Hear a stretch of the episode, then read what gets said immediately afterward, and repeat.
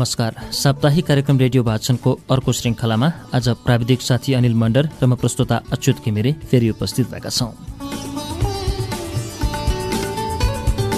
कार्यक्रम रेडियो वाचनको आजको श्रृङ्खलामा हामीले पल्पसा क्याफे उपन्यासको चौथो श्रृङ्खला लिएर आएका छौँ। यो वर्षको मदन पुरस्कार प्राप्त नारायण वाग्लेद्वारा लिखित पल्पसा क्याफे उपन्यासलाई हामी विगत केही श्रृङ्खला यता तपाईँ समक्ष वाचन गर्दै आएका छौँ। आजको कार्यक्रममा छयानब्बे पृष्ठदेखि नारायण वाग्लेको उपन्यास पल्पसा क्याफेको वाचन रहनेछ। तेह्रौँ परिच्छेदबाट आजको उपन्यासको वाचन रहनेछ। तेह्रौँ परिच्छेद छयानब्बे पृष्ठबाट सुरु हुन्छ। यो पल्पसा क्याफेको चौथो भाग वाचन गर्नुभन्दा अगाडि तपाईँ समक्ष राख्दैछु। यो एउटा गीत।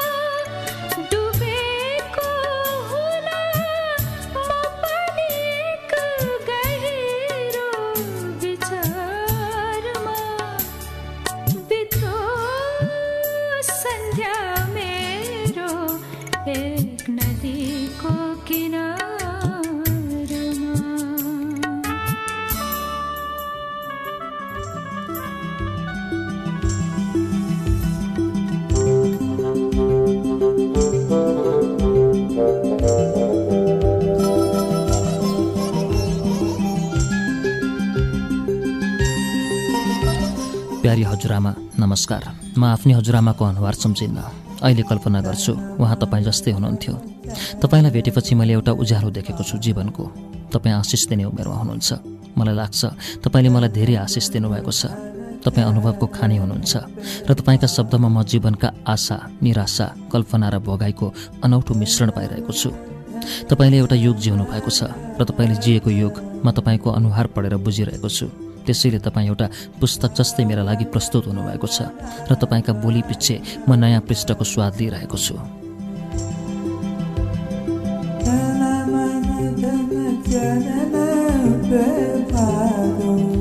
तपाईँ छक्कै पर्दै हुनुहुन्छ होला। एकैपल्ट भेटेको एउटा अपरिचितले आज पत्र लेखिरहेको छ। म तपाईँलाई सुनाउन चाहन्छु। मैले कसैका लागि लेखेको यो पहिलो पत्र हो। आजभोलि इमेलका कारण हस्तलिखित पत्रको उति चलन छैन। म आफ्ना कुरा कसैलाई लेख्नु पर्दा कम्प्युटरको सहयोग लिन्छु। कम्प्युटर आफै कापी भएको छ र हुलाकी पनि। तर कम्प्युटरको पत्र कति कृत्रिम हुन्छ भन्ने अनुभूति तपाईँको सम्बोधनमा लेखिएका यी अक्षरमा म अहिले पाइरहेको छु। त्यसैले म भन्न चाहन्छु तपाईँले मलाई आफ्नो अक्षरप्रति विश्वास दिलाउनु भएको छ। औँलाले लेखेका शब्द कति आत्मीय संसार हुँदो रहेछन् भन्ने अनुभूति दिलाउनु भएको छ। म तपाईँप्रति आभारी छु। तपाईँले मलाई आज हातैले पत्र लेख्न आकर्षित गर्नुभएको छ।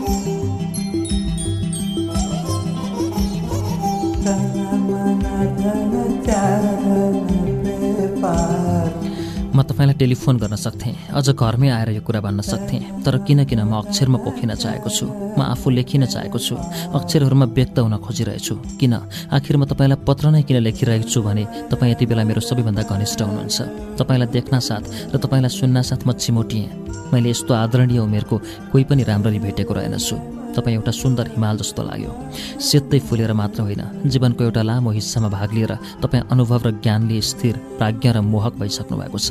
म त्यो दिन तपाईँ कहाँबाट निस्कनै चाहिरहेको थिइनँ।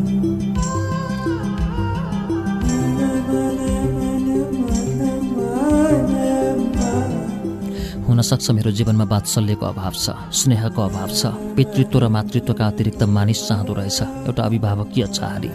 त्यो वात्सल्यको जहाँ ऊ स्वच्छन्द विचरण गर्न सकोस्। म देखिरहेछु उत्तरमा हिमालको छारी मुनि म बसेको डाँडाको पश्चिम पाखामा किसानहरू एका बिहानै सुन्तलाका बोटको स्याहार गरिरहेका छन्। उनीहरू हिमाल देखेर रमाएका होइनन्। उनीहरू आफ्नो कान्लाको फलको आसमै चुटिरहेका छन्। तर उनीहरूलाई न्यानो भइरहेको छ भर छ त्यो हिमालको जहाँ घाम ठोकिएर उनीहरूतिर उज्यालो पोखिनेछ। तपाईँ जसरी मन्दिरको भरोसामा हुनुहुन्छ यी किसानहरू त्यसै गरी हिमालको आडमा छन्। हिमाल खुलेको छ र मौसम सफा छ। किसानहरू मौसममा भर गर्छन् भने उनीहरू त्यसको स्वयंको हिमाल हेरेर पाउँछन्। मलाई त्यस्तै भइरहेछ। तपाईँका लागि मन्दिर किसानका लागि हिमाल र मेरा लागि तपाईँ समान आस्थाका धरोहरका रूपमा। मैले तपाईँलाई नचाउन चाहेँ र तपाईँ फुरुङ्ग पर्नुभयो। तपाईँ नाचेको क्षण मैले जिन्दगीकै अनुपम आनन्द हासिल गरेँ। तपाईँ जिन्दगीको घाम छायामा यसरी पारखी भइसक्नु भएको छ। मैले सोचेँ हिमालमा घाम परेर हिउँ पग्लिरहेछ। घरि घाम टल्केको छ र घरि पानी दर्केर हिउँ पग्लिरहेछ। घाम पानीको सनातन ओहोर दोहोरीमा बेला बेला सप्तरङ्गी इन्द्रणी परिरहेछ। त्यस्तै हो। तपाईँ दैनिक मन्दिर धाउनुहुन्छ देउताको रूप उही छ। तर तपाईँ आफ्नो मनोभावना अनुसार कहिले देउतालाई गम्भीर चिन्तित आनन्दित र पुलकित देख्न सक्नुहुन्छ। मैले तपाईँलाई जीवित देवीका रूपमा उमङ्गले भरिएको देख्न चाहेँ। तपाईँका पनि आफ्ना चिन्ता र पीर छन् अनि आशा र भरोसा छन्। तपाईँ बत्ती कातिरहनुहुन्छ र घरिघरि ख्याल गर्नुहुन्छ होला। कतै बत्तीले मलाई कातिरहेको छ कि? तपाईँ देउताका लागि बत्ती काट्नुहुन्छ आशा र भरोसा राखेर अनि आफैले काटेका छोरा बुहारी परदेशिएकामा चिन्ता पनि गर्नुहुन्छ। जसरी सुन्तला सप्रिएकामा किसान दङ्ग पर्छ र रस राम्रो नपसेमा ऊ पिर पनि गर्छ त्यसरी नै मैले तपाईँलाई भेटेर आनन्द पाएँ। तपाईँलाई सम्झेर पत्र लेखिरहँदा पनि मलाई न्यानो अनुभव भइरहेछ।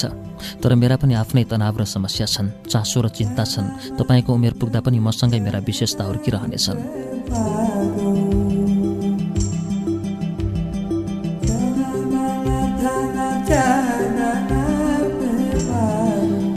किन यसो भनिरहेको छु भने तपाईँले बोलाउँदा बोलाउँदै पनि म उपस्थित हुन सकिनँ। यति बेला म उपत्यकादेखि टाढा कुनै एक पश्चिम पहाडमा छु। तपाईँ ठान्नुहोला। तपाईँले बोलाउँदा पनि नाति सरहको मैले नाइनास्ती गरेँ। म त्यस्तो दृष्टता कसरी गर्न सक्छु? म फर्केर आउनेछु तपाईँलाई भेट्न तर मलाई डर पनि लागिरहेछ।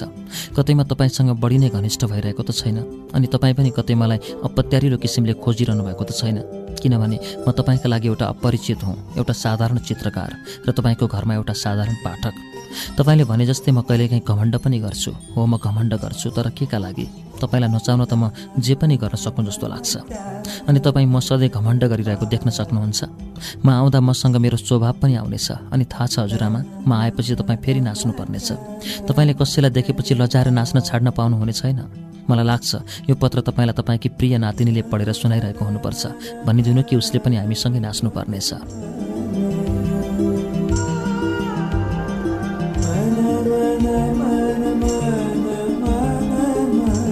म छक्क परिरहेको छु। तपाईँलाई भेटेर म आफूलाई धेरै किसिमले प्रकट गर्न सकिरहेको छु। तपाईँलाई के ढाँटो? म प्रेममा परेको छु। मलाई कसैसँग प्रेम भएको छ। म प्रेममा परेको छु तर आफैलाई विश्वास लागिरहेको छैन। म उसलाई मन खोल्न सकिरहेको छैन। उसलाई आफ्नो कुरा भन्न मसँग आँट पनि छैन। म उसँग डराइरहेको छु। मानिस प्रेममा किन डराउँछ? यस्तो विधि कि म भागिरहेको छु। उसको अगाडि पर्न सकिरहेको छैन किनभने आफ्नो प्रस्तावप्रति उसको प्रतिक्रियामा म अहिले ढुक्क छैन। उसले हुँदैन भनी भने उसले मलाई चाहन्न भनी भने उसले मलाई प्रेम गर्दिन भनी भने म चिप्लिनेछु उक्लिन नसक्ने गरी। किनभने यो मेरो पहिलो गम्भीर प्रेम हो र म चाहन्न पहिलो प्रेममै असफल बनौँ। म जीवनप्रतिको दृष्टिकोण फेर्न सक्नेछु। आफ्ना कमजोरीहरूप्रति म सधैँ ग्लानीले सडिरहनेछु। मेरो आत्मसम्मानमा ठेस पुग्नेछ र आत्मसम्मानविहीन जिन्दगी एउटा मुडो हो भन्ने म ठान्छु। तपाईँले मलाई घमण्डी भन्नुभएको सही रहेछ। म यति बेला त्यही गर्दैछु तर समस्या उस्तै छ। मैले मन पराएकी केटी पनि कम छैन। ऊ सुन्दर छे चलाक छे बुद्धिमान पनि छे र मलाई लाग्छ मभन्दा अझ घमण्डी पनि छे। मलाई किन किन ऊ संसारकै सुन्दर लाग्छ? शरीरले मात्र होइन सोचाइले पनि। शरीरले मात्र सुन्दर भएकी भए ऊ एउटा सेपिलो पहाडा बन्थी तर सोचाइले पनि सुन्दर भएकीले ऊ एउटा पारिलो पहाड हो। उसँगको प्रेमको अङ्कुरणले मलाई गजबको सुख दिएको छ। मेरो सम्मुख हिमाल बिहानी घाममा मस्त नुहाइरहेको छ र मेरो आँतको मैल पनि पखालिँदैछ। तपाईँ भन्नुहोस् हजुरआमा म के गरौँ?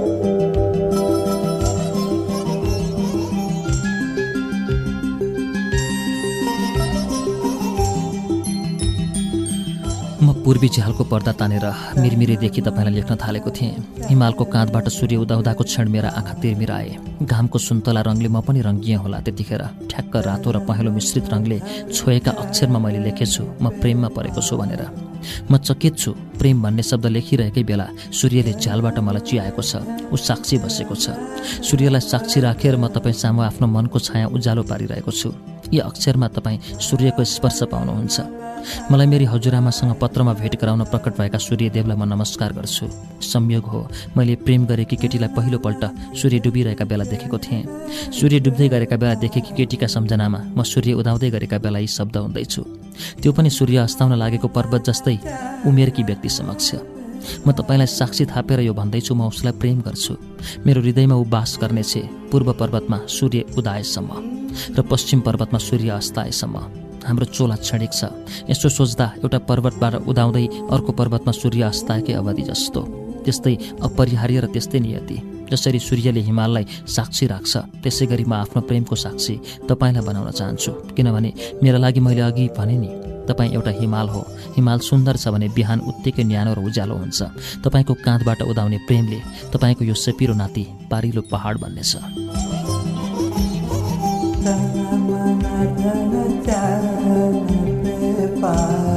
म कतै कवि जस्तै बिम्बमा त बोलिरहेको छैन र म कतै पागल जस्तै अभिनय त गरिरहेको छैन। सेक्सपियरले भने चाहिँ कवि होस् पागल वा प्रेमी उसका लागि यो चराचरमा सम्पूर्ण स्वच्छन्दता छ। घामले रातो बनाएको यस कापीमा मेरा औँलाहरूले कलमलाई बेगवान बनाइरहेका छन्। मेरो कलमको टुप्पो फुरफुर गरिरहेको छ र म तपाईँ नाचेको सम्झिरहेको छु। विचित्रको संयोग छ। म कता कताबाट तपाईँको घर पुग्नु तपाईँले क्यासेट बजाउनु मैले जिकिर गर्नु अनि तपाईँ नाच्नु। मानिसलाई के डोर्याउँछ मलाई थाहा छैन। म पुस्तक खोजी हिँड्दा तपाईँ कहाँ पुग्नु र तपाईँलाई साक्षी राखेर अहिले प्रेमको संसार च्याउनु पुस्तकको साइनो बलियो हुँदो रहेछ। किनभने मैले प्रेम गरेकी केटीसँग मेरो जम्का भेट र आवत जावत पनि पुस्तकै कारण सम्भव भएको हो। पुस्तक नभएको भए मैले पुस्तक नलेखेको भए वा पुस्तक खोज्दै नहिँड्ने भए म यसबाट वञ्चित हुने रहेछु।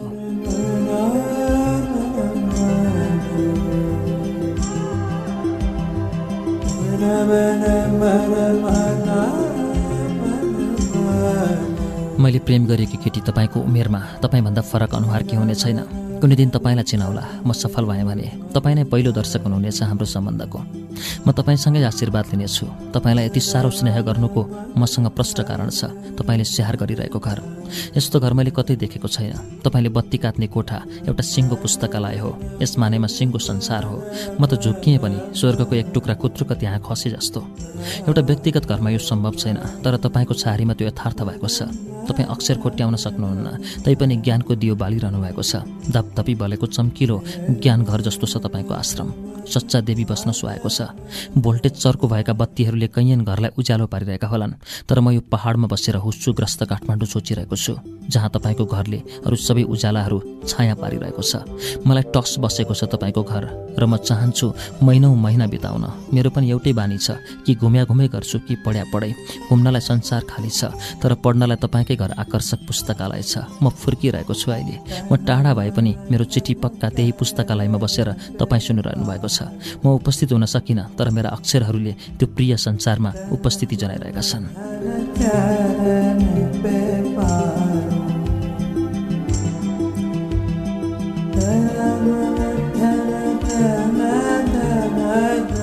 त्यही पुस्तकालय मेरा अक्षरको हकदार हो। यसो सोच्छु म लेखक हुँ भने मेरो लेखाइको नियति पुस्तकालयमा जीवित रहनु हो। मेरो पुस्तकको त्यो गन्तव्य हो। त्यसैले पुस्तकालय मेरो सर्वाधिक आकर्षण स्थल हो। जहाँ भोलि म पनि कैद हुनेछु। मेरा किताबहरू कैद हुनेछन्। कैद शब्द प्रयोग भएकामा मलाई माफ गर्नुहोला। म तपाईँको घरमा जतन हुनेछु। मेरा किताबहरूको हिफाजत हुनेछ।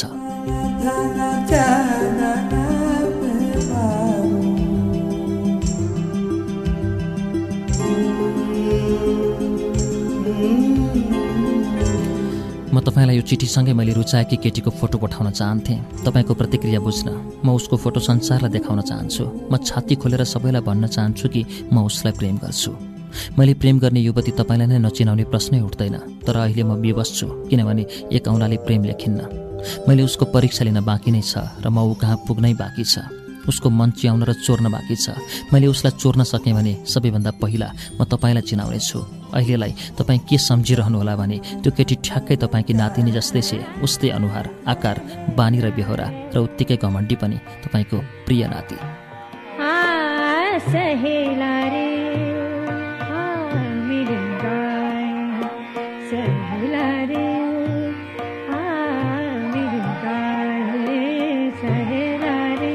एउटा सिङ्गो याम बितेको छ। म लाली गुराँस फुलेको पहाड आइपुगेको छु। देउरालीको चिया पसल छेउ एउटा गुराँसको बोटमा रुखस्याक ठडाएर म स्वेटर फुकाल्छु। पसिना नितार्नु छ यहाँ बसेर। उठबाट सुस्केर फुत्किन्छ। भरियाहरू छन् छेउमा। मैले त्यो पसलमा चिया भने कि भनेन। भरियाहरू बिस्कुटका पुरिया निकालिरहेका छन्। घाम टक्क लाग्न थालेको छ। एउटी बहिनी आइपुग्छे। सिसाको गिलास तातोसँग समाउँदै।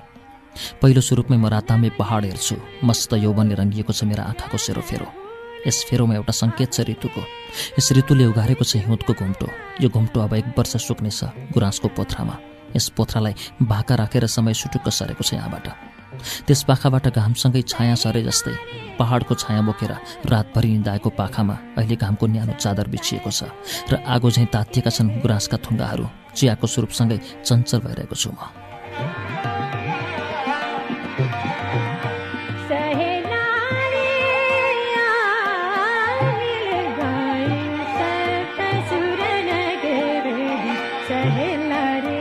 एउटा चरा फुत्त उडेको छ माथिको गुराँस बोटबाट त्यो चरा बत्तिएको आकाशमा एउटा गुन्चन निम्तिएको छ एउटा लय कोरिएको छ। त्यसले गुराँसको रङ चुसे जस्तो घामका फिँच पर्दा त्यसको सेतो प्वाख रातो टल्किएको छ। म आफ्ना आँखा त्यसका प्वाखमा टाँसेर उडाउन चाहन्छु किनभने मैले हेर्नु छ गुराँसको जङ्गल। त्यो एकान्त त्यो रनवन त्यो चिरबिर हिउँदभरि भित्तामा टाँसिएका हिउँका धर्सा अब खस्न थालेका होलान्। मलाई सुन्नु छ त्यसको सङ्गीत। लेउ लाग्ने ढुङ्गामा खस्दै बज्रिँदै मुन्टिँदै तल झर्ने पानीको बाटो च्याउनु छ मैले। त्यसको त्यो निर्मल गतिले पहाडको शान्ति खलबल गर्दै हुन्डरी मचाउँदै निम्ति आइरहेको होला। म तल आतङ्कित परिवेश हेर्न चाहन्छु।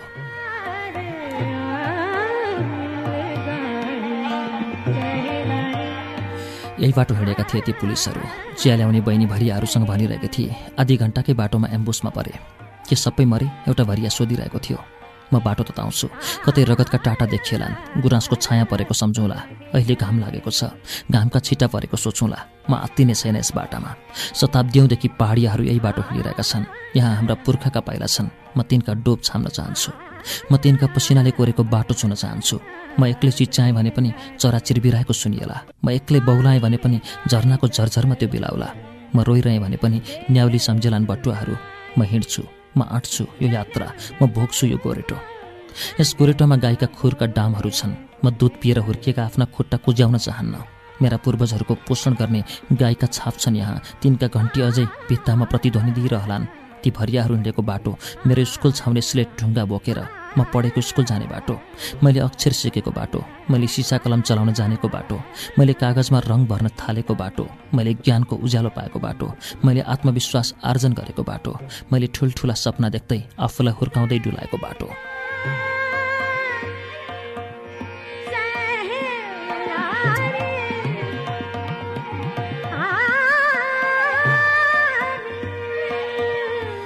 म फेरि ती सपना सम्झिँदै हिँड्न चाहन्छु। सपना देख्न सिकाउने यो वन यो एकान्त यी फुलहरू आकाशलाई आकार दिने यी पहाडहरू अनि पहाडलाई आकार दिने यो बाटो म फेरि भोग्न चाहन्छु। आमाले कान अठ्याउँदै स्कुल डोराएको यस बाटामा मेरा आँसु पनि छन्। ओ चिया पसले बहिनी म रुँदै हिँडेको यो बाटो वर्षौँपछि आज यी अब हिँड्दैछु। शिक्षक मारिएपछि स्कुल पनि बन्दैछ। त्यो बहिनी भने अझै भरियाहरूसँग भनिरहेकी छ। बच्चाहरू अचेल गाई हेर्न जान्छन्। अस्तिताका नेता मारिएको पनि त्यही गाउँमा होइन?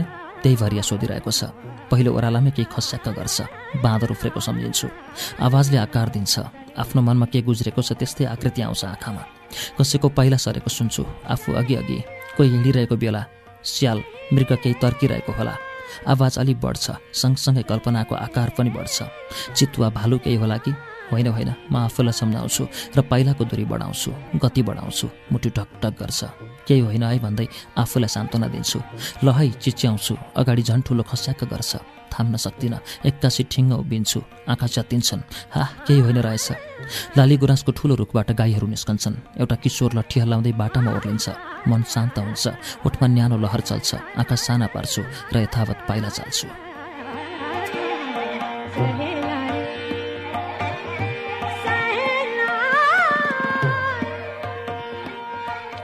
किशोर भन्छ अगाडि बम होला है दाई अस्ति भर्खर त्यहाँ पड्केको थियो। कहाँ? म सोध्छु। त्यहाँ अगाडि कता हो? झाङमा छ कि बाटैमै छ कि? अलि होस गरेर हिँड्नु होला है। घोसे मुन्टो लगाएर हिँड्न थाल्छु। मलाई गुराँस हेर्ने मन छ। कस्तरी फक्रेका छन् बसन्त ऋतुका यी सूचकहरू। ओहो ल बाटाकै छेउको बुट्टामा बुट्टा भरे जस्तै फुल डाकिएको छ। हरियो पत्राभरि रातै ढकहरू छन्। नमस्कार गर्ने मुद्रामा। मन त्यसै त्यसै आनन्दित हुन्छ। फुरुङ्ग पर्छ। उठ्छ हावासँगै। यसो हेर्छु। कहाँ? त्यो मात्रै बोट हो र। अगाडि दायाँ बायाँ तल माथि जताततै उस्तै झ्याम्म राता टाटेपाटे बोटहरू छन्। नयाँ ऋतु क्षेत्रको स्वागतद्वार चाहिँ उभिरहेका। कलिला आँखा र कमला पाखुरा हुँदै डुल्दै फिर्दै गाउँदै रत्तिएको यो वन आज यतिका वर्षपछि कति मनोहर देखिएको छ। बुट्टा त्यही हो फुल तिनै हुन् वन त्यही हो बाटो उही हो तर नयाँ ऋतु बनेर म प्रवेश गर्दा भावना अर्कै छ। आँखा उही हुन् तर हेराइ अर्कै छ। शरीर उही हो तर सोचाइ बेग्लै छ। लहैदाई नआत्ती जानुहोला राम्ररी हेर्नुहोला किशोर भनिरहेको छ। हँ म उभिन्छु उसलाई हेर्छु। ऊ गाई धपाउँदै डिलमा पुगेको छ। त्यहाँ तल ठुलो भिर छ। भिरमा उभिएर पनि ऊ मलाई सुझाव दिन्छ सान्त्वना दिन्छ मलाई सन्तोष हुन्छ। भिरमाथि उभिरहेको किशोर मेरो बाल्यकाल हो। ऊ अझै गोठालो गर्छ। म चित्रकार बनेर उभिएको छु दुई दशकपछि। म ऊभन्दा फरक थिएन। न बोलीमा न अनुहारमा। फरक यति हो उसलाई कान अठ्याउँदै स्कुल लैजाने उसकी आमा हुनुहुन्छ तर उहाँ आफ्नो छोरालाई अब स्कुल लैजानुहुन्न। उसको स्कुलमा बम पड्केको छ। अस्ति भर्खर उनीहरू चालिसजना अपहरित भए। दुई दिनपछि छाडिए। प्रधानाध्यापक भने मारिए। तैपनि बम असरल छाडिएको बनाउनु परिरहेछ उसलाई। ऊ मलाई हेर्दै टोल्याउँछ। लट्ठीको टुप्पामा चिउँडो अडाइरहेछ।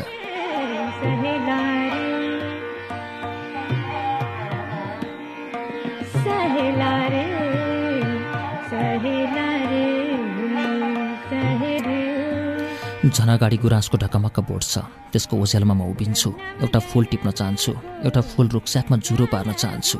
म धन्य छु यो गाउँ फर्केको छु त गुराँस्यामा यतिका महिना म कहाँ कता चाहरेँ तर फर्केको छु एक दशकपछि यो गुराँस गाउँ मेरो गाउँ। यस गाउँले मलाई हुर्काएको छ बढाएको छ पढाएको छ र काम गर्न बाहिर पठाएको छ।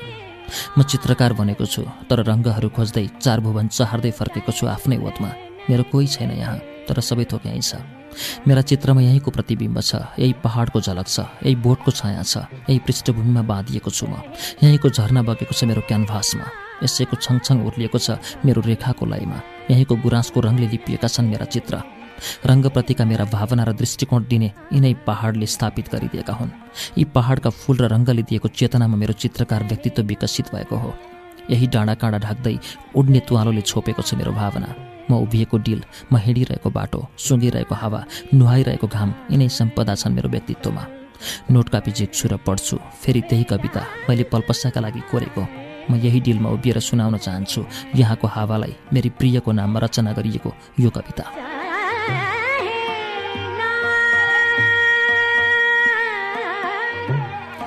लैजान्छु म तिमीलाई मेरो जन्म गाउँ त्यो पहाड पारी मैले खेल्ने ठाउँ ल्याउ लाग्ने ढुङ्गा बल्छी थाप्ने खोला देखाउनु छ मैले सिमल छर्ने चौर। तुवालाले ढाकिरहला भालेसँगै उठाउला हुस्सोले छोपिरहला झर्नासँगै हिँडाउला बादलले छेकिरहला बुनेर छत्री ओढाउला उकालीको चिप्लो ढुङ्गा ओह्रालीको चिसो छाया मृगसँगै कुदाउला पसिनाले छोड्दै डाँफेसँगै उडाउला सिउरी दिउँला तिमीलाई सुनाखरी सुनगाबा लैजान्छु म तिमीलाई मेरो डाँडा काँडा कतिले छाडे आफ्नो जन्मगाउँ कतिले त्यागे माया गर्ने ठाउँ। जता पनि म देख्छु गाउँ छाड्नेहरू जहाँ पनि म भेट्छु माया मार्नेहरू पुछिएको सिउँदो झैँ म जन्मेको पहाड बसन्त त आओस् रङ्गिएला गुराँस लैजान्छु म तिमीलाई म जन्मेको गाउँ।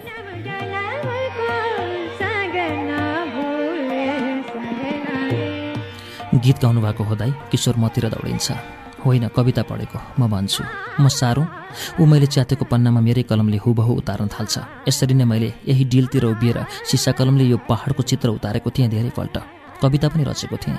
यसरी नै मैले गोठालाहरूको भाका टिपेको थिएँ। उनीहरूकै शब्द टिपेर मैले लय भरेको थिएँ। स्कुलमा उभि उभि मैले सुनाएको थिएँ।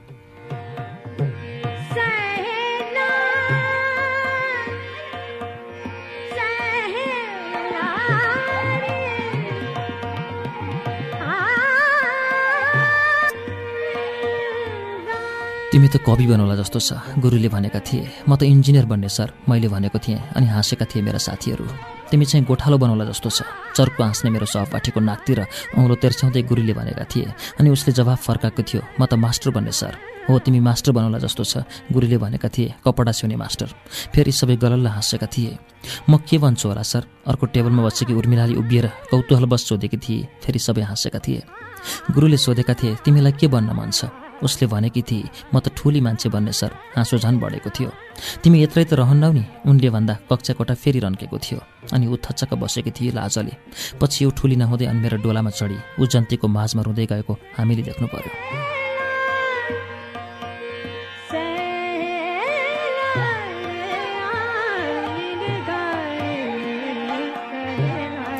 त्यसै ताकादेखि मलाई साथीहरूले इन्जिनियर साप भनेर जिस्काउन थालेका थिए। मास्टर बन्छु भन्नेले बाहेक। सम्झेर म हाँसेँ। मेरो हाँसो गुराँसको थुङ्गा जस्तै भुइँमा खसेछ। किन हाँस्नु भएको दाई? मैले सारेको मिलेन किशोरले सोध्यो। ए होइन होइन। त्यसै हाँसेको मैले भने। अनि ऊ फेरि कवितामै दत्तचित्त भयो। मेरो अक्षर नराम्रो छ अघि उसले सोध्यो। मेरोभन्दा राम्रो छ? तपाईँको भन्दा त धेरै राम्रो त होइन नि उसले भन्यो अलिअलि। अलिअलि भन्दा अलिक कम उसले भन्यो ऊ निहुरिरहेको थियो। स्कुल बन्द भएछ अघि मैले सोधेँ। त्यसै भन्नु पर्यो कहिले खुल्छ अरे ढोका त खुल्लै छ बमले उडाइदिएको। उसले भन्यो ढोकै छैन। वाङ्गै छ। कविता कस्तो लाग्यो? मैले सोधेँ। राम्रो छ। तपाईँले कसको कापीबाट सार्नु भएको नि? उसले भन्यो आफैले लेखेको। मैले भने कसले सिकाएको नि? आफैले सोचेर लेखेको। ए आफैले सोचेर पनि लेख्न सकिन्छ? उसले प्रश्न गर्यो हो यस्तै मन लगायो भने तिमी कवि बन्न सक्छौ। मैले भने नाइ म त इन्जिनियर बन्ने। उसले भन्यो म झस्किएँ मेरो जस्तै सपना हुर्काइरहेको किशोर भेटेर। म हिँडेपछि पनि उसले बाटो राम्ररी हेर्दै हिँड्न सुझाव दियो। ऊ गाई भएको भिरतिर पुगेर कापी हेर्दै भट्याउन खोजिरहेको थियो। उसलाई लय थाहा छैन। आफै सोचेर मिलाउला। यो वनपात फुल बगैँचा झरना खोल्सा घाम छाया अनि पहाडको यो हावासँगै उसले त्यसको भाका पाउनेछ। म पाइला लामा लामा पार्छु फर्केर हेर्छु। ऊ पाना हेर्दै हात हल्लाइरहेको छ।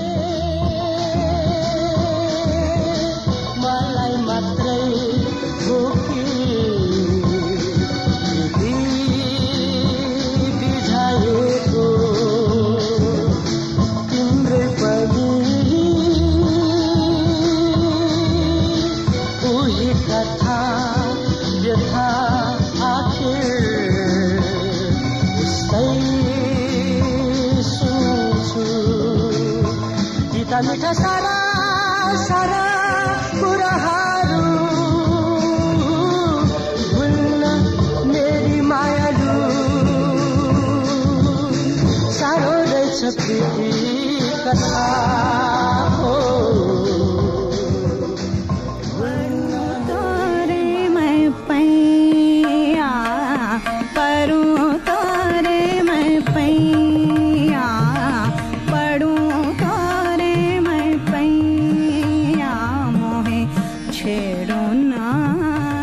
हुइज दिस कोही कराएको सुनियो। गाउँ प्रवेश गर्ने पर्खालमाथि बसेर चर्को बोल्ने को हो भनेर टोलाएँ। दौदबेको रुखले ओझेल परेर बसेको छाया देखेँ। टोप सूर्य र उभिएका लाउरी काका रहेछन्। रूपलाल आले अङ्ग्रेजी बोल्ने आदत किन मेटिन्थ्यो? हाम्रो गाउँका पूर्व लाहुरेमध्ये यिनै काका एकजना हुन् जसलाई अङ्ग्रेजी फर्माइहाल्नुपर्छ। त्यसमाथि स्कुले विद्यार्थी वा काठमाडौँबाट आएका पढालेखा तन्नेरीसँग उनी नेपालीमा कुरै गर्दैनन्। म सानो हुँदासम्म अङ्ग्रेजी बोल्नुपर्छ भनेर उनको नजिकै पर्दिनथे हामी तर्किनुको अर्को कारण के पनि थियो भने उनको स्वर कडा हुन्थ्यो।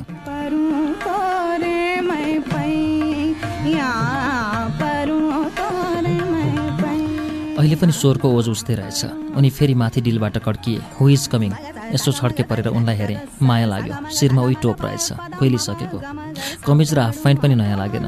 पेन्सिन पकाएर फर्क्या भए पो हुन्थ्यो। ब्रिटिस लाउरी भन्नु मात्र बरा। गुड इभिनिङ लाउरे काका। मैले भने उनले ठम्याउन सकेनन्। ए उनका आँखामा बाक्लो सिसा भएको चस्मा झुन्डिएकै रहेछ। उनी उभिरहेका थिए। मैले पर्खालको सिँढी चढेँ। छप्पनी ढुङ्गा बिछ्याएका बेला हामी गाउँभरिका केटाकेटीले आफ्ना अभिभावकहरूसँगै स्लेट खानीबाट सकि नसकी ढुङ्गा ओसारेका थियौँ।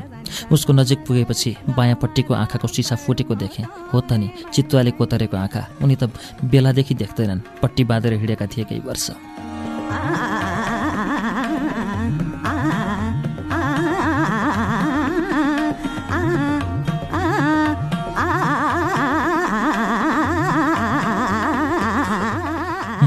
इटो पर्नुपर्ने दस साले बिचरा लाउरे काका टाटे चितुवासँग कुस्ती खेल्न पुगे। मलायाबाट फर्केकै वर्ष हो क्यार। गाउँ नजिकै चितुवा गोर्न थालेको छ भन्ने थाहा पाएर गाउँलेहरूलाई लेफ्ट राइट गराउँदै जङ्गल के पसेका थिए मर्नुभयो मुस्किलले ज्यान जोगाएका थिए। एउटा आँखा गइहाल्यो।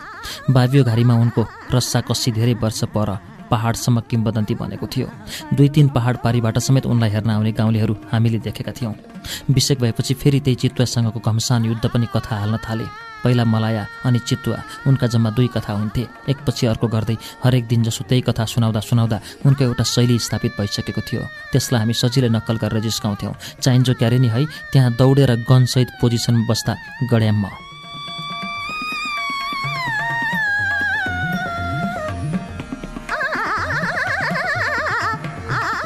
त्यसै गरी चितुवाको कथा उनी यसरी सुरु गर्थे। चाहिन्छ क्यारिने है त्यस्ताले त माथिपट्टि झाङभित्र लुकेको रहेछ।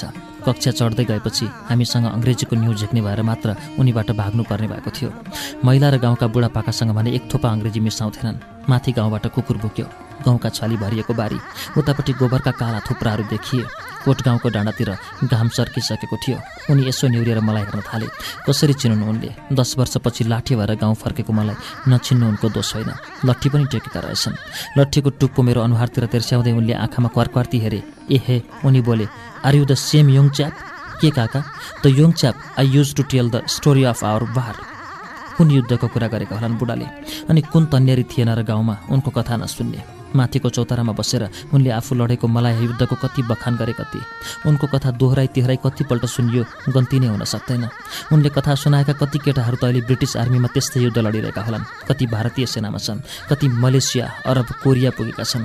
बाहुनका छोराछोरी स्कुलबाट उम्किन सकेकाहरू कर्मचारी छन् धेरैजसो शिक्षक बनेका छन्। अहिले त गाउँमा को पो होला र? चिन्नुभयो काका अब? I think you are the son of my good friend उनले भने। उनका गुड फ्रेन्ड पनि हाम्रो बाको पुस्ताका सबै थिए। त्यसैले उनले मलाई को भनेर लक्काटी मैले ठम्याउन सकिनँ। त्यही पनि उनलाई अब पत्यार भइसकेको छ। म उनको कथा सुनेर हुर्केको यहीँको चल्लो हुँ। होइन आई रिमेम्बर योर फादर उनले चिनेछन् भने आई स्टिल बिकम इमोसनल भइहाल्यो काका मैले सम्झाएँ। मेरो बाआमाको कुरा नसम्झाउनुहोस्। गएको कुरा गयो गयो। बरु भन्नुहोस् हाउ आर यु मेरो आफन्ती त खासै कोही छैन। यही गाउँमै पनि। साइनो खोज्दै जाँदा भेटिनेहरू भने होलान्। ओके आई एम ओके उनले गुमरङ्ग अँगालो हालेर आफूसँग मेरो उचाइ पनि नापे। उनी यसै गरी सानामा मेरो नापो लिएर ब्रिटिस आर्मीमा क्लर्क बन्नुपर्छ भन्थे। मेरो उचाइ सोचेभन्दा तीव्र गतिले बढेपछि एकपल्ट उनले भनेका थिए you can be a traffic police उनको पछि लागेर म गाउँ उक्लिएँ। बारीभरि गोबरका थुप्रा जम्मा गरिएकाले उकालो बारीको बाटो घुम्दै जानु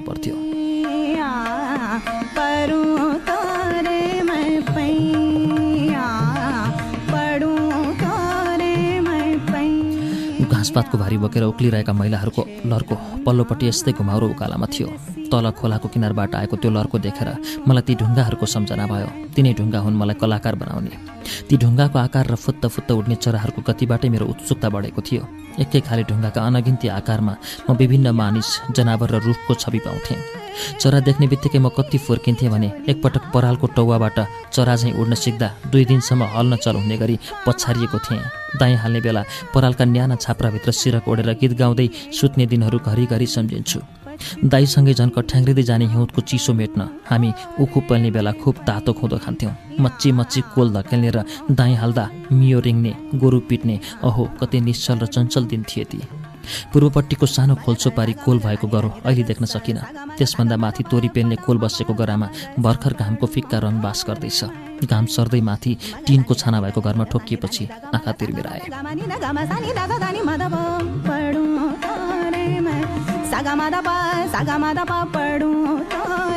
लाउरे काकाले भने मलेसियाबाट छोराले पैसा के पठाइदिएको थियो? भानु बजियाले टिनको छाना हाल्यो। तपाईँ बिसकै हुनुहुन्छ काका भन्नु पर्यो तपाईँलाई सम्झिरहन्छु म। How do you remember me तपाईँले हालेका कथा आफ्नो गाउँ सम्झिने बित्तिकै चौतारामा भयभरका केटाकेटी बटुलेर कथा भने तपाईँको अनुहार आइहाल्छ मैले भने। I am glad to know सत्य हो काका तपाईँ नभएको भए यो गाउँ फर्किन पनि मन लाग्थेन मैले भने। उनी एक गरामाथि उक्लेर ठिङ्ग उभिए। आई एम ह्याप्पी टुडे आफ्नै छोरा फर्के जस्तो लाग्यो। हो नि त बरु भन्नुहोस् कस्तो छ गाउँको स्थिति? मैले सोधेँ। उनले एकटक मलाई हेरे नजिक आएर उभिए। शिर अलि नेउरी सानो स्वरमा भने टेक केयर माई सन किन? आज ठुलो ग्रुप आउँदैछ। उनीहरू बलिया बाङ्गा तनेरीलाई लैजान्छन्। हामीलाई त के छ र? खाना खान दिने हो चामल तरकारी दिने भाँडाकुँडा दिने आफै पकाउँछन् आफै पस्किन्छन् आफै भाँडा मस्काउँछन्।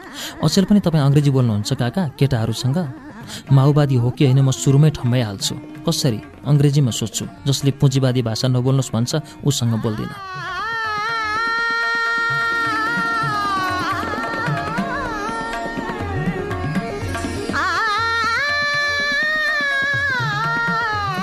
म सम्झिन्छु। यिनै काका हुन् जसले मलाई पाँच कक्षा पुग्न लाग्दा झन्डै बुढा नीलकण्ठ स्कुल पठाउन लगाइसकेका थिए।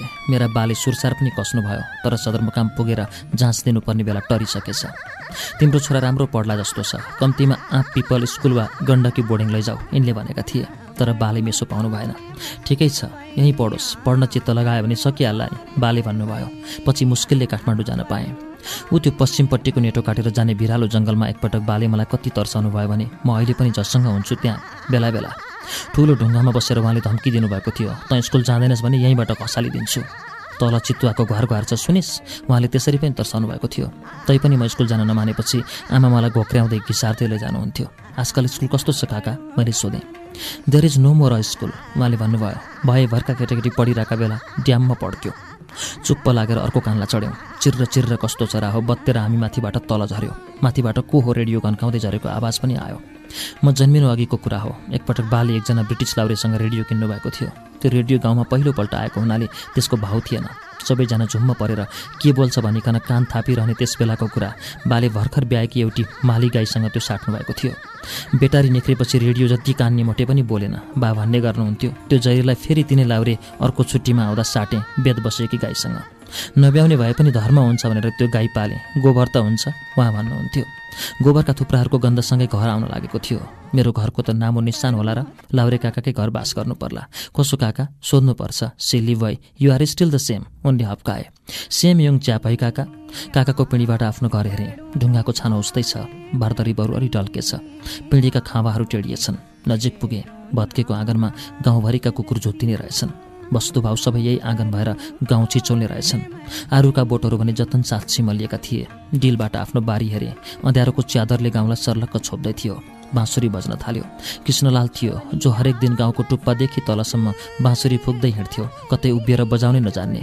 बजाउँदै भन्ज्याङसम्म पुग्थ्यो अनि झर्दै तल फेदीसम्म डुल्थ्यो। बाँसुरी बजाउने को हो काका? मैले सोधेँ। कृष्णलाई बिर्स्यौ? ए उही हो। अनि किन त बजाउँदैन डुलेको? मैले भने गोली झिके पनि एउटा खुट्टा चल्दैन बिचराको। घरको बार्तालीमा बस्छ बजाउँछ। काकाले भने कसरी गोली लाग्यो? मैले सोधेँ। क्रस फायरमा पर्यो। फुक्दै हिँडेको सुरमा गोली चल्न थालेको पत्तै पाएन। उतापट्टिको घरमा पनि चहल पहल देखिन। त्यो घर शुभशङ्करको हो जो हरेक वर्ष इन्द्रजात्रा हेर्न काठमाडौँ जान्थे। हिँडेरै उति टाढा नेपाल जाने शुभशङ्करले भनेको सुन्थे जीवनमा इन्द्रजात्रा नहेरी स्वर्ग गइँदैन। स्वर्ग पुगिहालियो भने पनि त्यहाँ सोध्छन् तिमीले इन्द्रजात्रा देखेका छौ? छैन भने उनी पठाइदिन सक्छन् नरकतिर। पछि थाहा पाएँ उनी केही वर्ष अघि स्वर्ग पुगिसकेछन्।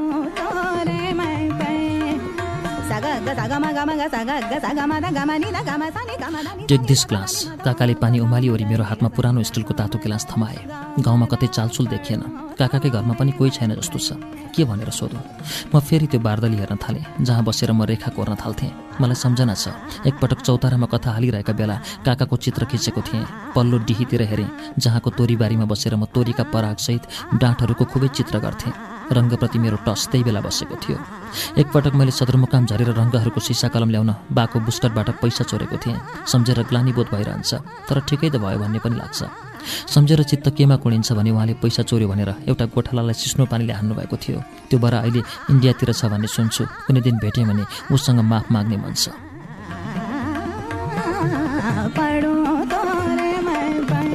ओहो काका यो त कफी जस्तो छ। म चकित भएँ। कफी जस्तो? अनि असली कफी चाहिँ कस्तो हुन्छ? उनी जङ्गिए। यो कफी नै हो मैले भने। अर्को स्वरूप पनि लिएँ। हर्र बास्ना चलेकै थियो। तिमीले के ठानेका छौ हामीलाई? हामी गाउँलेलाई। मैले आफ्नो दुई हल पाखोमा पुरै कफी लगाएको छु। दुई वर्ष भइसक्यो। तिम्रो बारीभरि पनि लगाएको छु। तिमी आउने होइन। मलाई लाग्यो किन बाँझो राखिरह? वाह मैले भने। म एक्लै भए पनि यसैमा दत्तचित्त लागेको छु। दिन काट्ने मेरो यही हो। दिन ढल्किँदै गएपछि भने अघि तिमीलाई भेटेको पर्खालतिर गएर उभिन्छु। किन काका? छोरा फर्क्यो कि भनेर। कहाँ छ बेलु? थाहा भयो किन त्यसरी सधैँ बाटो कुरी बस्नु पर्थ्यो? कफी सकेर गिलास पिँढीमा राखेँ। म कस्तो बेसोमती? सम्झेर आँगन छेउको धारामा पखालेर पिँढीको सानो टेबलमा राखेँ। कफी मिठो रहेछ। उनले भने हावापानी मिठो हो काकाको घर अगाडिबाट एक होल तन्नेरीहरू नबोलिकन माथि लागे। काकाले हेरे नचिने पनि बाटामा उभिएर बातचित गर्ने उनको बानी बदलिएछ। खै त नबोली उभिरहे। मैले चियाको चुरुपसँगै तिनलाई हेरेँ। एउटी केटीले मलाई पुलुक्क हेरे जस्तो लाग्यो। उसको अनुहार कटिबद्ध थियो। ऊ पुच्छारमा थिए कसिलो कपडामा हिँडेकी त्यस केटीभन्दा अगाडिका सबैजसोको एउटै उमेर लगभग उस्तै पोसाक र हिँडाइको समान गति थियो। काका नबोलिकन उभिरहेको देखेर चित खाएँ।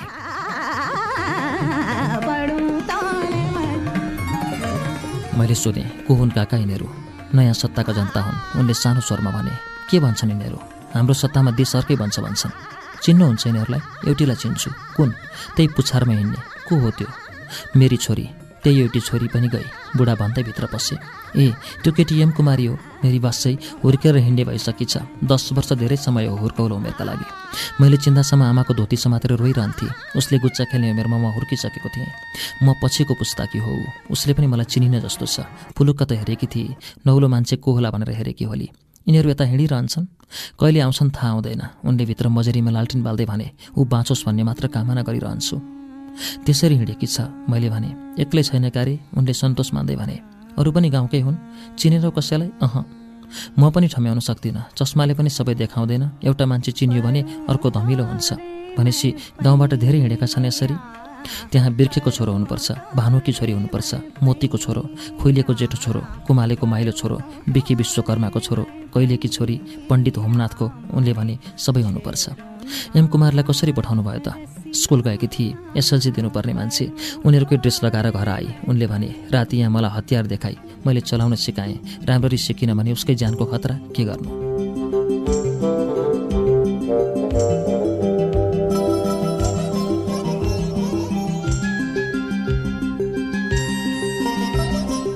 म घर बाहिर निस्केँ। त्यो समूह अदृश्य भइसकेको थियो। तिनीहरू हिँडेको बाटो केही बेर पाइला सारे। अँध्यारो बढ्दै गए पनि बाटाको उज्यालो बाँकी थियो। जुन कति बेला टल्केला कुन्नी। अँध्यारोमा मैले आफ्नो घर हेरेँ। यति बेला त्यस घरमा म लालठिन बालेर बारदलीमा पढिरहेको हुन्थेँ। त्यहाँ अहिले निष्पट्ट अँध्यारो छ। मलाई उज्यालो दिने घर अहिले अँध्याराको घुम्टामा लपेटिएको छ। तिम्रो घरको बिजोग देखेर पनि मलाई गाउँमा बस्न मन लाग्दैन। काकाले भने म केही बोलिनँ। म के गर्न सक्छु? फुर्सद लिएर आऊ। यहाँबाट टुरिस्ट हिँड्ने बाटो बनाउन सकिन्छ। धानचुली हिमालको फेदतिर जाने रुट पार्न सकियो भने यहाँ अनेकन देशका मान्छे हिँडाउन सकिन्छ। हो यहाँबाट बायाँ तर्फायाँ लाग्यो भने अघिल्लो पहाड काटेपछि लेक सुरु हुन्छ। अर्कै मौसम र प्रकृति अर्कै भूगोल र वेशभूषामा प्रवेश गरिने त्यस भेगबाट आधार शिविरसम्म रोमाञ्चक पदयात्रा गर्न सकिन्छ। यो रुट बनाउन सकियो भने कोट गाउँ हुँदै आउने पर्यटकको बास सिधै यहीँ गराउन सकिन्छ। त्यसमाथि मैले आफ्नो कल्पना अनुसारको रिसोर्ट बनाउन सकेँ भने के होला?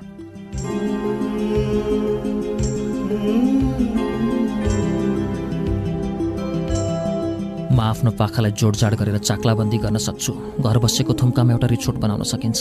क्याफेसहित आकर्षक कलाग्राम निर्माण गर्न सक्छु। गाउँदेखि अलि उचाइको थुम्कामा एक्लै उभिने आफ्नो घरको रूपान्तरणको सुन्दर खाका सोच्दै बस्छु। भोलि यो पहाड फर्कनेछ मान्छेहरू पहाड फर्किनेछन्। दूरसञ्चारमा टिक्न थालेको छ समय। टेलिकम सुलभ र सस्तो हुँदैछ। धन्य छन् माइक्रोचिप्स सेटेलाइट अप्टिकल फाइबर र इन्टरनेट। म यही पहाड बसेर विश्वग्रामको सदस्य हुन सक्नेछु। त्यस्ता पदयात्री यहाँ आउन रुचाउनेछन् जो पहाडसँगै ध्यानमग्न हुन चाहन्छन् र तिनलाई इन्टरनेट मार्फत विश्व भेलमा आबद्ध गराउन सकिन्छ। पहाड र इन्टरनेट परस्पर अमिल्दा लागे पनि यसको मिश्रणको मधुरो कल्पनामा गर्छु। म यहाँ उभिएर यो पहाडलाई विश्वग्राममा उभ्याउन सक्नेछु। के यो पहाडको छारीमा त्यो सम्भव छैन?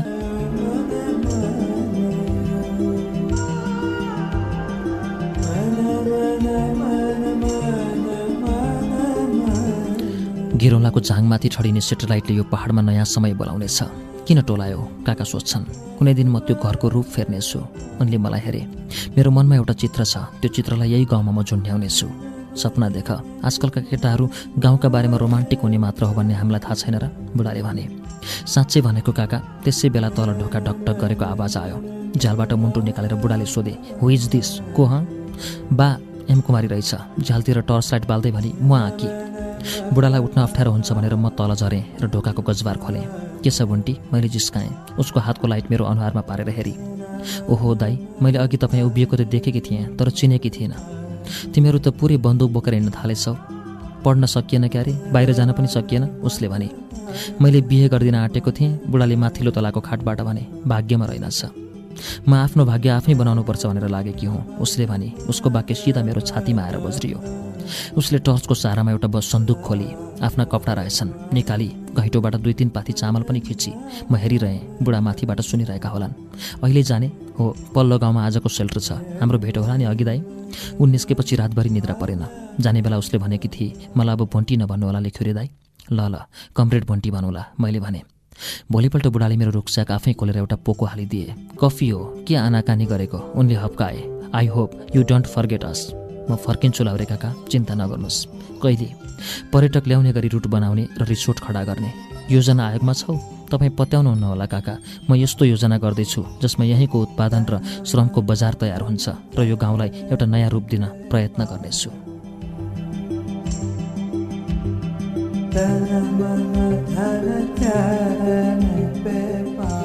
उनले मलाई एउटा झोला दिए। सानो रुखस्याक गरुङ्गो थियो। मैले जिज्ञासु आँखाले उनलाई हेरेँ।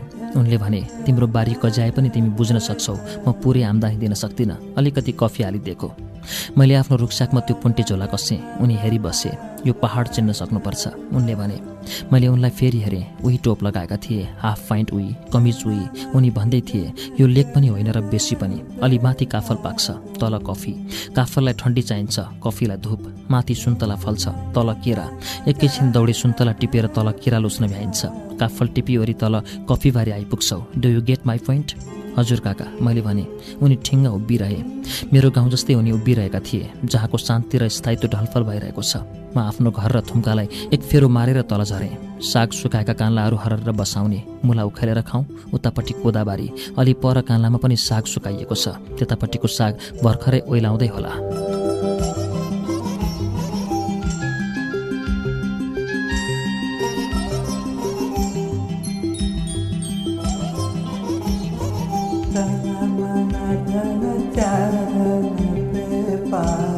मेरो गाउँले एउटा भविष्य कोरल्न खोजेको छ।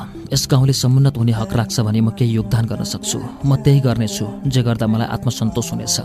आफूले तोरीको डाँठमा चित्र कोर्न सिकेको पहाडलाई मैले नयाँ जीवन दिनुपर्छ। मैले यही पहाडबाट रङ्ग सापटी लिएको छु। त्यसको ब्याज तिर्नुपर्छ। यही माटो हावा पानी र यही ग्रामीण ममता मैले संस्कृतिका रूपमा बटुलेको हुँ। त्यसको ऋण तिर्नुपर्छ।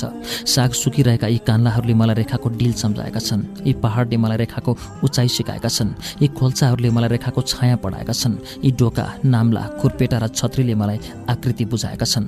यो उकालीको सुस्केरा र सुसेलीले मलाई जीवनको मर्म देखाएका छन्। म जन्मेको पहाड माझको मेरो पखेरो कफी बारी भएको छ। अब मैले यसलाई आफूले जानेको कला दिनुपर्छ।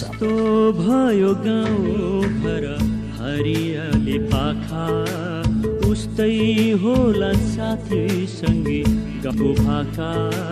कस्तो भयो गाउँ घर? हरियाली पाखा। उस्तै होला साथी सङ्गी गाउने गीतको भाका। अझै पनि बन्चीले गीत गाउँछे होली। मलाई सम्झी गाउँमा आमा एक्लै रुदी होलिन्। कस्तो भयो गाउँ घर हरियाली पाखा। उस्तै होला साथी सङ्गी गाउने गीत गुलाबी चुनरिया रे। रङ्गी सारी गुलाबी चुनरिया रे। घुमाउरो डिस्को काटेपछि उसले आफ्नो एक पुरुष सहकर्मीलाई मेरो शरीर छामछुम पार्न निर्देशन दिए। रुखच्याकमा पनि उनीहरूलाई आपत्ति हुनुपर्ने केही छैन। उनीहरूको आधार इलाका प्रवेश बिन्दु आइपुगेको रहेछ। उसले आफ्नो बन्दुकको ब्यारेलमा बुकी फुल राखी। फुलबुट्टे पाखाबाट चट्ट कान चुडे झैँ टिपेर उसले सिउरेको त्यस सेतो फुलले शान्तिको सङ्केत गर्थ्यो। उसका साथीहरूले पनि त्यसै गरे। पछाडिपट्टि हिँड्नेले फुल भेटेन। कागजलाई सानो डल्लो पारेर घुसार्यो। हामीले बिस्तारै इलाका पार गऱ्यौँ। उसले भने तपाईँ डराउनु पर्दैन।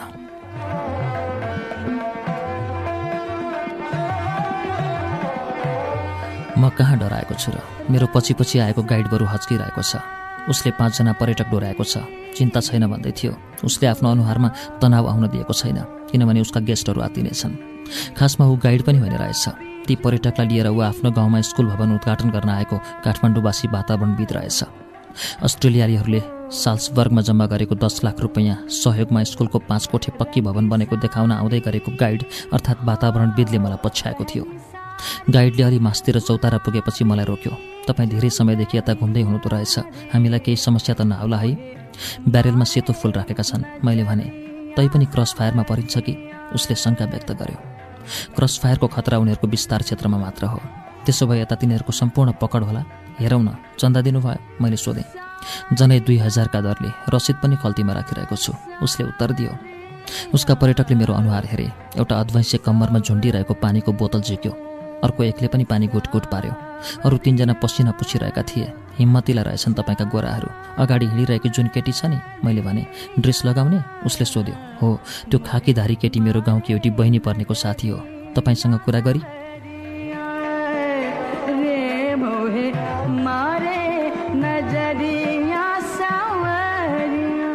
उसले मुन्टो हल्लाउन केही भ्याएको थियो। उस सरर बगेको पहिरो चाहिँ तल हामी सामु उभिन आइपुगी। म हस्किएँ किनभने उसले भिरेको बन्दुकको कुन्दाले मेरो गाला छोला जस्तो गरेको थियो।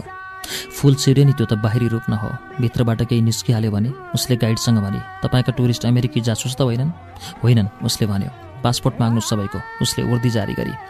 ती पर्यटक त्यस केटीको नेतृत्वमा रहेको समूहका बन्दुकधारीहरू देखेपछि अलि बढी आत्तीय जस्ता देखेका थिए। तिनले खुरुखुरु पासपोर्ट दिए। भिसा लगाउनुहुन्छ भन्ने सुनेको थिएँ उसले भन्यो। स्टिच मार्दैनौ। कति दिन बस्ने हो? उसले सोधी। एकै दिनको कार्यक्रम हो। पर्सिपल्ट फर्किन्छौँ उसले भन्यो।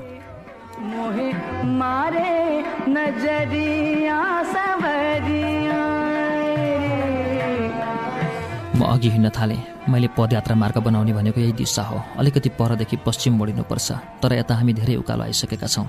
गाइडले आफ्ना पाहुनाहरूलाई के भनेको नि उनीहरू निकै जोड साथ उकालो हिँड्न थालेका थिए। केही बेर पर्खिए हुन्न। कसलाई पर्खिने? तल कोही पनि छैन।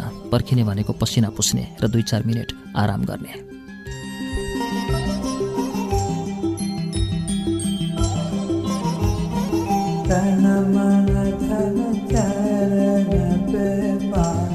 वर्दीधारीहरू अगाडि राखेर जुलुसमा भाग लिए चाहिँ टाप कसिसकेका थिए। हामी पहिरोले अड्किएको ठुटो चाहिँ उभियौँ। म एक चित्रकार हुँ। आफ्नो परिचय दिँदै ती विदेशीहरूसँग भिज्ने कोसिस गरेँ। तिनले मलाई चिनेपछि आत्मविश्वास बढे जस्तो अनुहार गरे।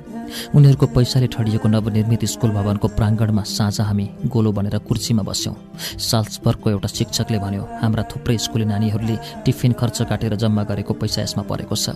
ढुक्क हुनुहोस् महोदय स्कुल सञ्चालक समितिका जान्ने बुझ्ने अध्यक्षले सान्त्वना दिए जसलाई अङ्ग्रेजीमा उल्था गरेर गाइडले सुनायो। यहाँका नानीहरूले आफू आफू जस्तै विदेशी बच्चाहरूले दिएको पैसाबाट बनेको यो सुकिलो घरमा आनन्दले पढ्नेछन्।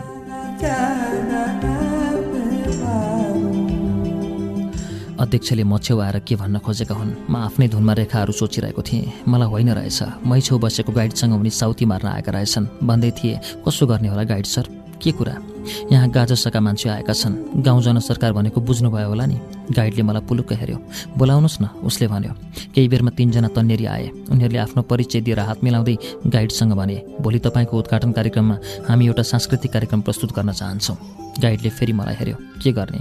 उनीहरूकै नियन्त्रण छ भने एउटा प्रस्तुति गर्न दिएर के बिग्रेला? उनीहरूको सहयोग लिन नसके भोलि स्कुल चल्न सक्ने छैन।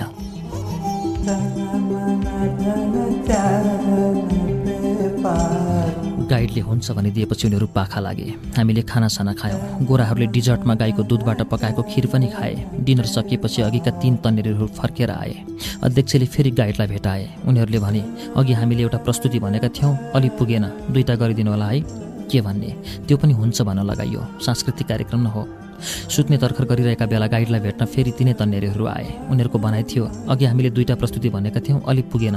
तिनवटा गर्न दिनु होला है मैले गाइडलाई हेरेँ। मैनटोलको उज्यालामा ऊ उपायहीन देखिन्थ्यो। अध्यक्ष मान्नुहुन्छ भने मलाई केही आपत्ति छैन। हामी चाँडै सकेर फर्क्यौँ कि भन्ने योजनामा छौँ।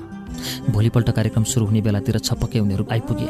स्वागत गान पनि तिनीले गरे। त्यसपछि उनीहरूकै गाजस प्रमुखले भाषण पिटे। त्यसपछि फेरि उनीहरूको कवाज नृत्य भयो। जनवादी गीत आउँदा फेरि सबैजना गाउँलेहरूले स्कुल प्राङ्गणमा ताली पिटी पिटी स्वागत गरे।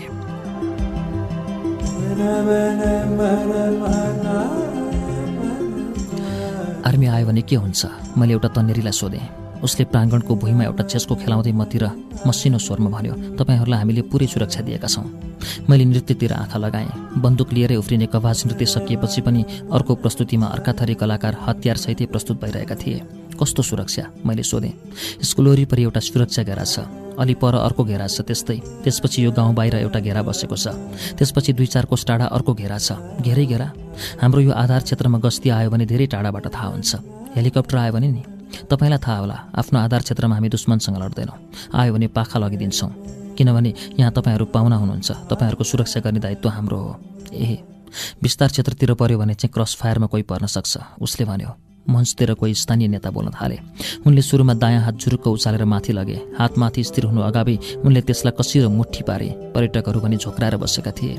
तिनले अपुङ्गे फुलको माला लगाएका थिए। एउटाले डिजिटल क्यामेरा चलाइरहेको थियो। तर हतियारधारीहरूको अनुहार नखिचिकन अलग्गसँग हतियार र गोडाको मात्र पोज मिलाइरहेको मैले देखेँ। कसैले शङ्का नगरोस् भनेर चलाखी अप्नाएको होला।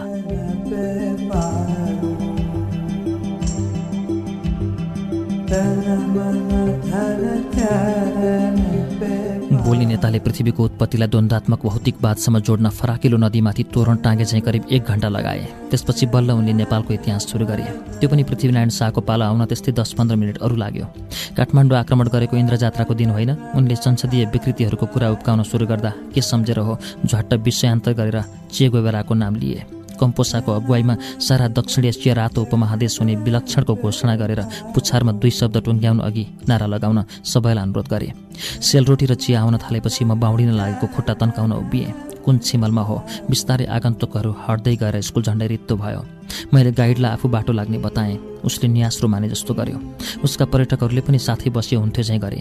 गाइडले अध्यक्ष मार्फत गाजसवालाहरूसँग हेलिकप्टर मगाउन सकिने बारे सोधपुछ गर्यो। अग्रिम सूचना चाहिन्छ भन्ने तिनको शर्त थियो। एकजनासँग सेटेलाइट फोन भएको मैले अनुमान गरेँ। उनीहरू भोलि हेलिकप्टरमा काठमाडौँ फर्किन्छन्। म किन आजै आफ्नो बाटो नतताउँ भनेर बिदाबारी भएँ।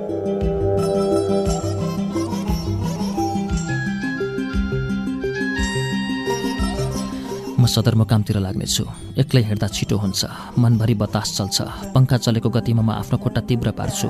एकनासको बाटो सुनसान कतै उकालो कतै ग्वार ओह्रालो रातो माटो फुस्स उडाउँदै मैले सास पर्ने बेलातिर एक लहरको गाउँलेहरू भेटेँ। तिनीहरू विस्थापित रहेछन्। सदरमुकामतिर अडियन भनी मधेस झर्नेछन्। विस्थापितहरूलाई उछिनेर एउटा गाउँ पुग्दा आँगनमा एउटी महिला पछ्यौराले मुख छोपेर नाक मात्र देखाइरहेकी थिइन्। घरिघरि उनी आँखा पुस्थिन्। बोल्ने साथी कोही नभएपछि त्यस्तो हुन्छ। उनले टाढैबाट मलाई बोलाइन् चिने जस्तो गरेर आँसु बर्र पारिन्। ऊ लहेर त त्यो जुत्तो उनले ढोका छेउ पिँढीमा चिनिया कपडाको एउटा जुत्ता देखाइन्। मैले बुझिनँ टुवा परेर उनलाई हेरेँ। एउटा गाउँले किशोर आइपुगेको थियो। उसले अनुसार जङ्गल पस्न त्यो घरको एउटा पाखुरा देऊ भनेर सूचना दिएको रहेछ त्यो। बिचरी महिलाले बिहान उठ्दा देखेकी रहेछन्। त्यसपछि न घाँस लिएकी छन् न पानी आँसु झार्दै बरबराउँदै बसिरहेकी छिन्।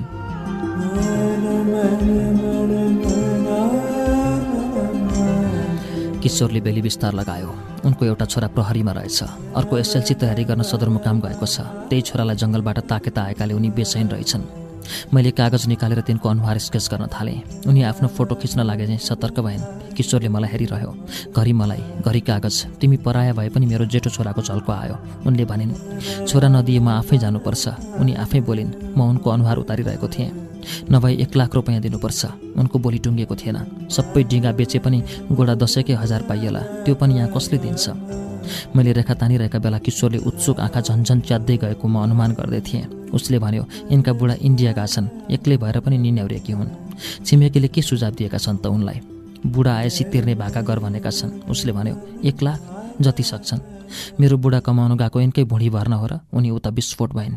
एउटा छोरा त जागिरै छँदैछ नि किशोरले भन्यो। त्यो आउँछ कि आउन्न के थाहा? उनले सुनेकी रहेछन्। भनिन् बिदा भए नि गाम आउन सक्ने होइन उतै बिहे गरेर बस्यो कि चौकीतिर भुटियो कि? राम्रो सोच्नुहोस् न आमै मैले भने। आफै जाऊ न बुढी माउ। किशोरले अलि चर्को स्वरमा ती महिलालाई जिस्कायो। कहाँ जाने म? होल टाइमर कार्यकर्ता हुन जाऊ अब। आफै कमरेड भनौँला नि हामी पनि। मलाई अलि निको लागेन। किशोरले त्यसरी ती महिलालाई जिस्काएको। धत लाटा। मैले सानो स्वरमा उसले मात्र सुन्ने गरी भने त्यसरी किन नुन सर्केको हा यी बुढी अलि रुन्चे नै छन् क्या? यिनलाई मात्र त्यस्तो व्यथा पर्या हो र? रेखाकृति तयार भएपछि उनलाई देखाएँ। उनले आफैलाई नचिने चाहिँ गरिन्।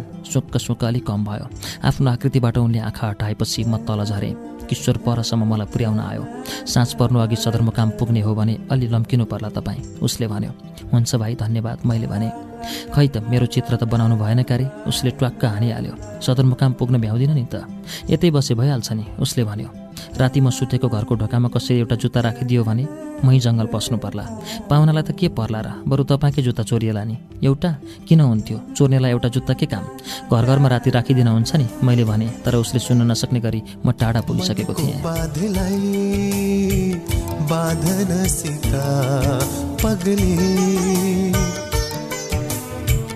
मनको बाधलाई बाधन सिका पगली। नत्र भिजिने छ परेली।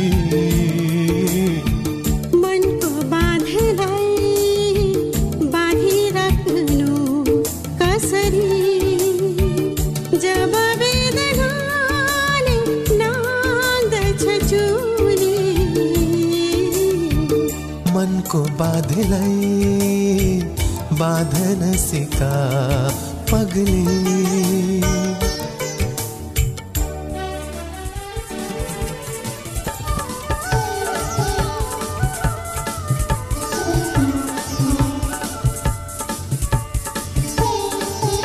कल्पसा क्याफेको चौथो श्रृङ्खला हामीले यसै पुस्तकको एक सय सत्ताइसौँ पृष्ठमा ल्याएर आज विश्राम लिएका छौँ। कार्यक्रम रेडियो वाचन अब करिब करिब पुरा हुने दर्खरमा छ। कल्पसा क्याफेको दुई सय पैँतालिस पृष्ठ पुरै तपाईँलाई वाचन गरेर सुनाउने हाम्रो बाछा रहेको छ। प्रतीक्षा गर्नुहोला आउँदा साताहरूमा पनि कल्पसा क्याफेको वाचन निरन्तर रहनेछ। कान्तिपुर दैनिकका सम्पादक नारायण वाग्लेको यो उपन्यास पल्पसा क्याफेको वाचन रेडियो वाचनमा तपाईँलाई कस्तो लागिरहेको छ कृपया हामीलाई प्रतिक्रिया पठाउनुहोला। हाम्रो पत्राचार ठेगाना यस्तो रहेको छ कार्यक्रम रेडियो वाचन HBC ninety four FM post box number आठ नौ सात चार सिपिसी चौरानब्बे काठमाडौँ नेपाल। इमेल गर्न चाहनुहुन्छ भने इमेल ठेगाना रहेको छ GHIMIRE ACHYUT at Gmail dot com Ghimire Achyut at Gmail dot com हवस् त अर्को साता फेरि भेटघाट गर्ने नै छौँ। तबसम्मलाई प्राविधिक साथी अनिल मण्डरसहित म अच्युत घिमिरे पनि बिदा माग्छु। आज्ञा दिनुहोस्। नमस्ते।